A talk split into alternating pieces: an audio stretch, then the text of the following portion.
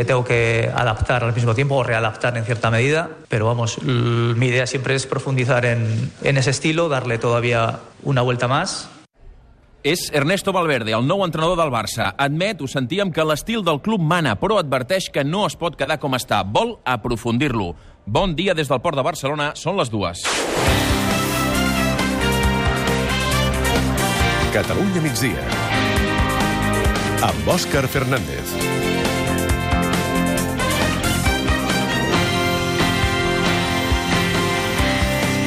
El nou entrenador del Barça, Ernesto Valverde, ja ha firmat el seu contracte. Ha aterrat en la primera roda de premsa més. Possibles fitxatges, el tracte que donarà a Messi o a Iniesta, si mantindrà l'estil, si tornarà a la possessió de la pilota total. Tots els neguits dels culers li han caigut a sobre a Ernesto Valverde, que, amb un to molt diferent del de Luis Enrique, ha anat despatxant-los tots amb diplomàcia. Ha insistit que el Barça sempre mana, però també ha dit que és innegable que cada entrenador posa el seu segell a la filosofia Barça. Pendent de la roda de premsa al Camp Nou n'ha estat el Marc Garriga. Marc, bon dia. Hola, bon dia.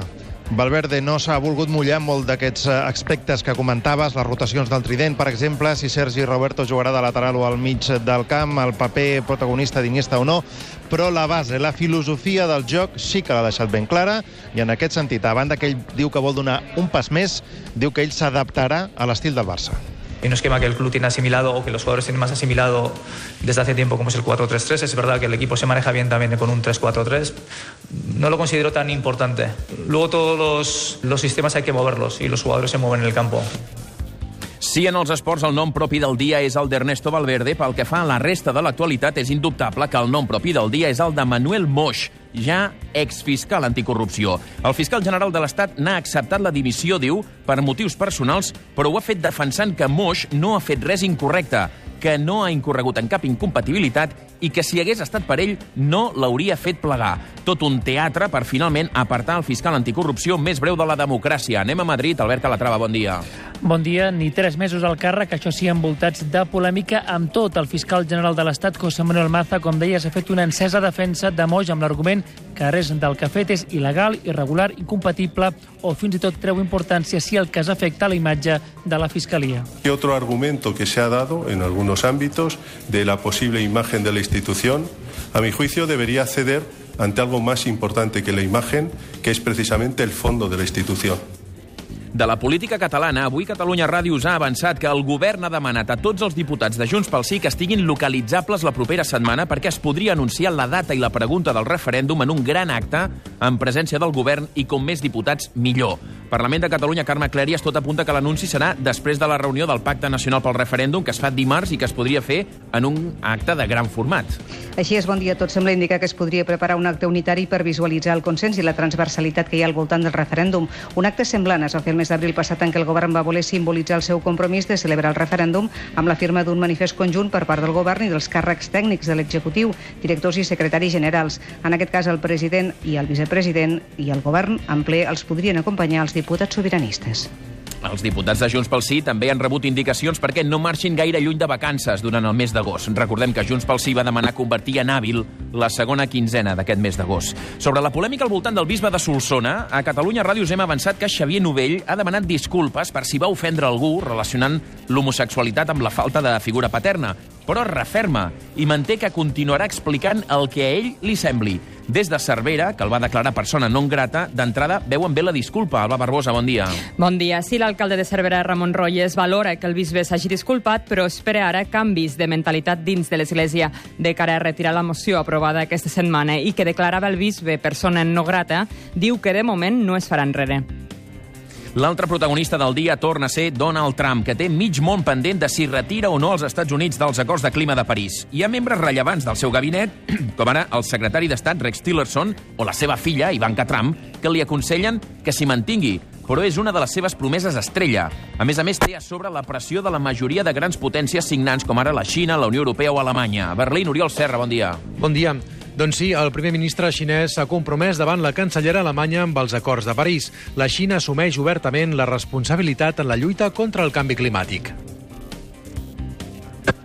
I avui fem el programa, com dèiem, des del Port de Barcelona, el dia que comença la conferència de l'Associació Europea de Ports. En el marc d'aquesta conferència, el conseller de Territori, Josep Rull, ha denunciat que és més fàcil trobar aliats pels ports de Barcelona i Tarragona entre els seus homòlegs i rivals del nord d'Europa que no pas en el govern central. Joan Garcia, bon dia. Bon dia, ho ha dit referint-se al corredor mediterrani. Sorprenentment, més comprensió entre els teòrics competidors que en el govern espanyol per aquesta infraestructura o corredor que els ports consideren vital per ser competitius. Sentirem també l'altra gran reivindicació, tenir autonomia per poder fixar una política de taxes al marge de Puertos del Estado. La nostra visita al port també coincideix amb una nova reunió sense acord entre els estibadors i la patronal per desconvocar els tres dies de vaga que a hores d'ara encara estan previstos per la setmana que ve. De tot plegat en parlarem a partir de les 3 amb Sixta Cambra, president del port, amb Blanca Soriguer, directora general del Saló de Logística, i amb l'Oriol Altissenc, degà del Col·legi d'Enginyers de Camins, i amb l'Empar Moliner, que hi serà com sempre. De la cultura, avui comença el gruix del Primavera Sound amb les actuacions de Solange i Mishima. Si nosaltres som al port, l'estat de Gràcia el faran avui, aquesta tarda, des del Primavera, al Fòrum, amb tots els escenaris a ple rendiment. El més destacat d'ahir, la jornada gratuïta, va ser l'actuació de Saint-Étienne. El Blai Mercè ens ho explicarà de seguida.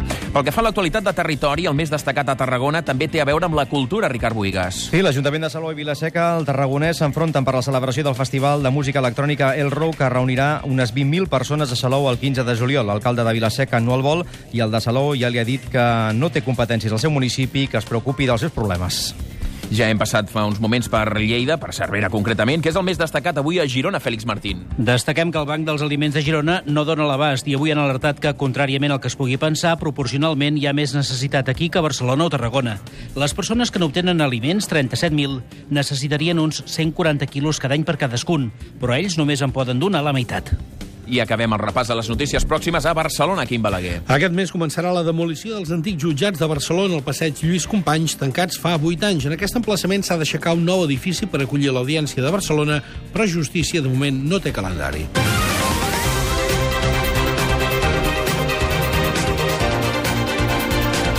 A banda de la notícia de la jornada, que és la presentació d'Ernesto Valverde en els esports, també hem d'explicar més coses. Jordi Túria, bon dia. Hola, bon dia. Què més ha passat al món dels esports? El TAS, el, el Tribunal d'Arbitratge de l'Esport, confirma la sanció a l'Atlètic de Madrid que no podrà fitxar cap jugador fins l'any que ve. També que avui es disputa la final femenina de la Champions de futbol entre dos equips eh, francesos, l'Olímpic de Lió i el Paris Saint-Germain. I que avui, aquesta propera matinada, comença la gran final de l'NBA. Golden State, l'equip de Stephen Curry, contra Cleveland, l'equip de LeBron James.